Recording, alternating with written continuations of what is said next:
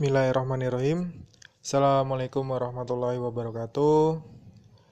Baik, untuk episode kali ini saya ingin menjelaskan mengenai pemijahan ikan nilem. Untuk teman-teman yang belum tahu, ikan nilem ini biasa digunakan sebagai ikan terapi maupun ikan yang biasa dijual di tempat iwak kali seperti itu. Nah, ikan nilem sendiri itu paling besar itu ukurannya sekitar 250 gram. Untuk yang digunakan sebagai ikan terapi itu ukuran 1 sampai 3 cm. Apa saja yang perlu dipersiapkan untuk pemijahan ikan nilem?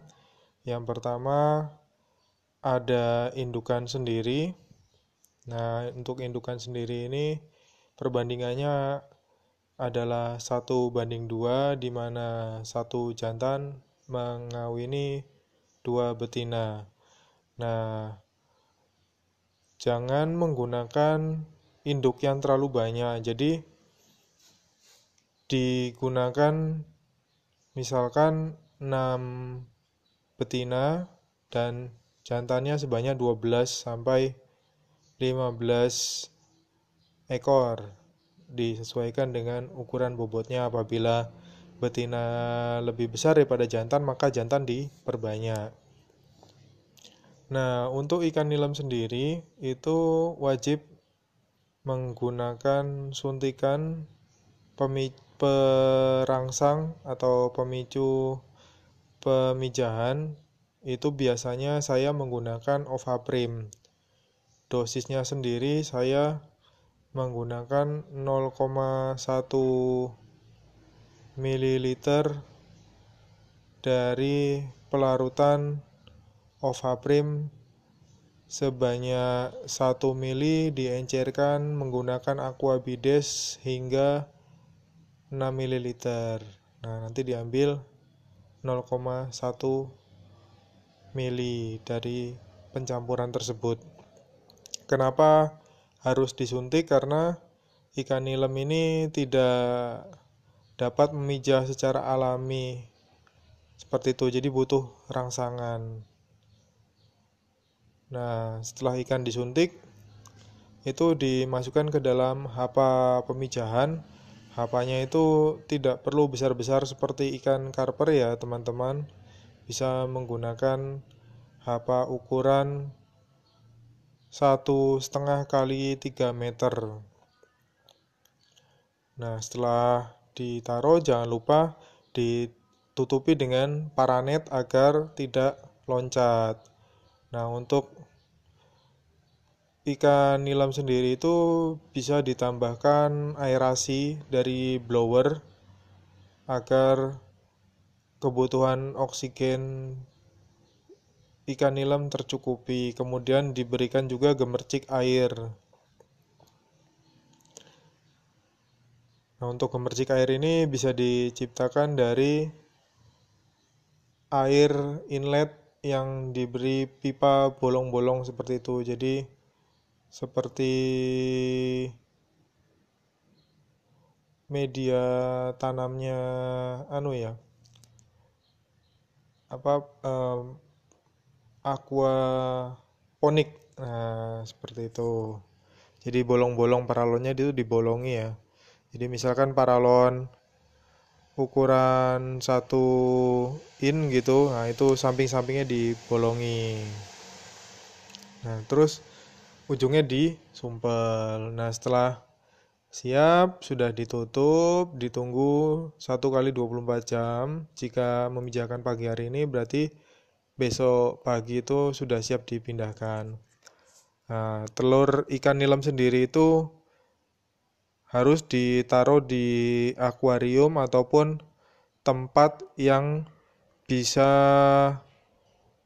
dikondisikan adanya agitasi udara karena telur ikan nilam ini harus terus menerus itu naik turun naik turun seperti itu. Jadi diusahakan ada agitasi atau apa ya. Ya pokoknya muter-muter itu air apa si telur itu jadi muter-muter tidak bisa diam di dasar kolam ataupun akuarium. Nah bagaimana caranya itu dipasangkan blower yang gede jadi misalkan ingin menggunakan akuarium ataupun wadah kolam yang penting memanjang tidak terlalu tinggi. Nah, itu diisi air hingga 3 per 4-nya dan blower itu di pol. Jadi dibesarkan. Nah, nanti setelah indukan diambil dari hapa, nah telurnya ini bentuknya seperti bubur mutiara, seperti itu, jadi bening bening tapi ada titik yang di, sudah di tanda sudah dibuahi seperti itu. Nah, maksimal itu nanti pindah satu gayung satu gayung seperti itu. Jadi tidak perlu dengan airnya. Jadi satu gayung diambil secara perlahan, kemudian ditaruh di satu akuarium. Terus berikutnya dan berikutnya. Jadi diusahakan dibagi rata di tempat yang sudah disediakan. Nah, nanti dari 6 induk itu bisa menghasilkan 6 sampai 8 gayung kalau misalkan semua betinanya mengeluarkan telur. Jadi banyak sekali hasilnya. Nah, nanti ikan yang sudah apa telur yang berada di dalam akuarium itu akan menjadi keruh di hari kedua, hari ketiga, hingga hari keempat, sehingga perlu dilakukan sipon. Cara siponnya ini sendiri itu tidak bisa langsung disedot, jadi menggunakan jaring halus memang untuk disediakan untuk larva Nah, nanti airnya itu yang disedot dari dalam jaring. Jadi jaring berbentuk kerucut gitu, nanti yang dimasukkan selangnya itu ke dalam jaringnya sehingga ikan tidak tersedot. Karena apabila ikan tersedot itu otomatis mati karena lemah. Nah, skip. Setelah hari keempat itu ikan sudah siap dipindahkan ke kolam. Jadi perlu disiapkan kolam yang luas. Itu nanti di caranya panen dari akuarium ke kolam itu sama seperti nyipon ya. Jadi nanti air disipon sampai setengah airnya kemudian menggunakan jaring khusus atau seser khusus untuk larva kemudian dipindahkan pelan-pelan. Nah, apabila sudah dipindahkan, dimasukkan ke ember, kemudian ditaruh di kolam. Lakukan hingga semua larva itu habis, tidak tersisa. Nah, nanti setelah ikan itu berada di kolam, itu ikan mulai memakan zooplankton. Jadi seperti biasa diberi pupuk. Saya biasa menggunakan pupuk dari gemak karena lebih cepat menumbuhkan plankton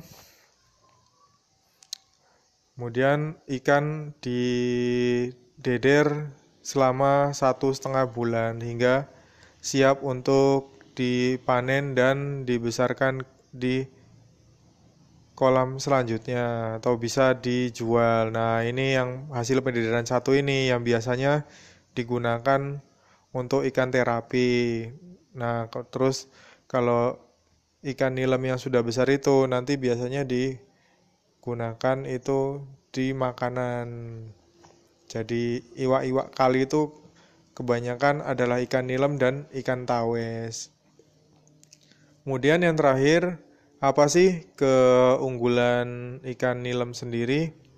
ikan nilam sendiri itu berbeda dengan ikan-ikan hasil rekayasa genetika. Jadi ikan ini murni kali, jadi mudah sekali untuk mendapatkan indukan yang berkualitas, kemudian juga lebih sehat untuk dikonsumsi karena bukan produk rekayasa genetik.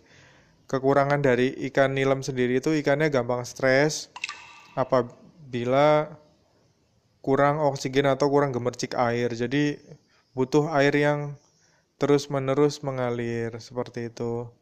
Baik, sekian dulu episode kali ini. Insya Allah saya akan jelaskan ikan-ikan konsumsi lainnya di lain kesempatan. Assalamualaikum warahmatullahi wabarakatuh.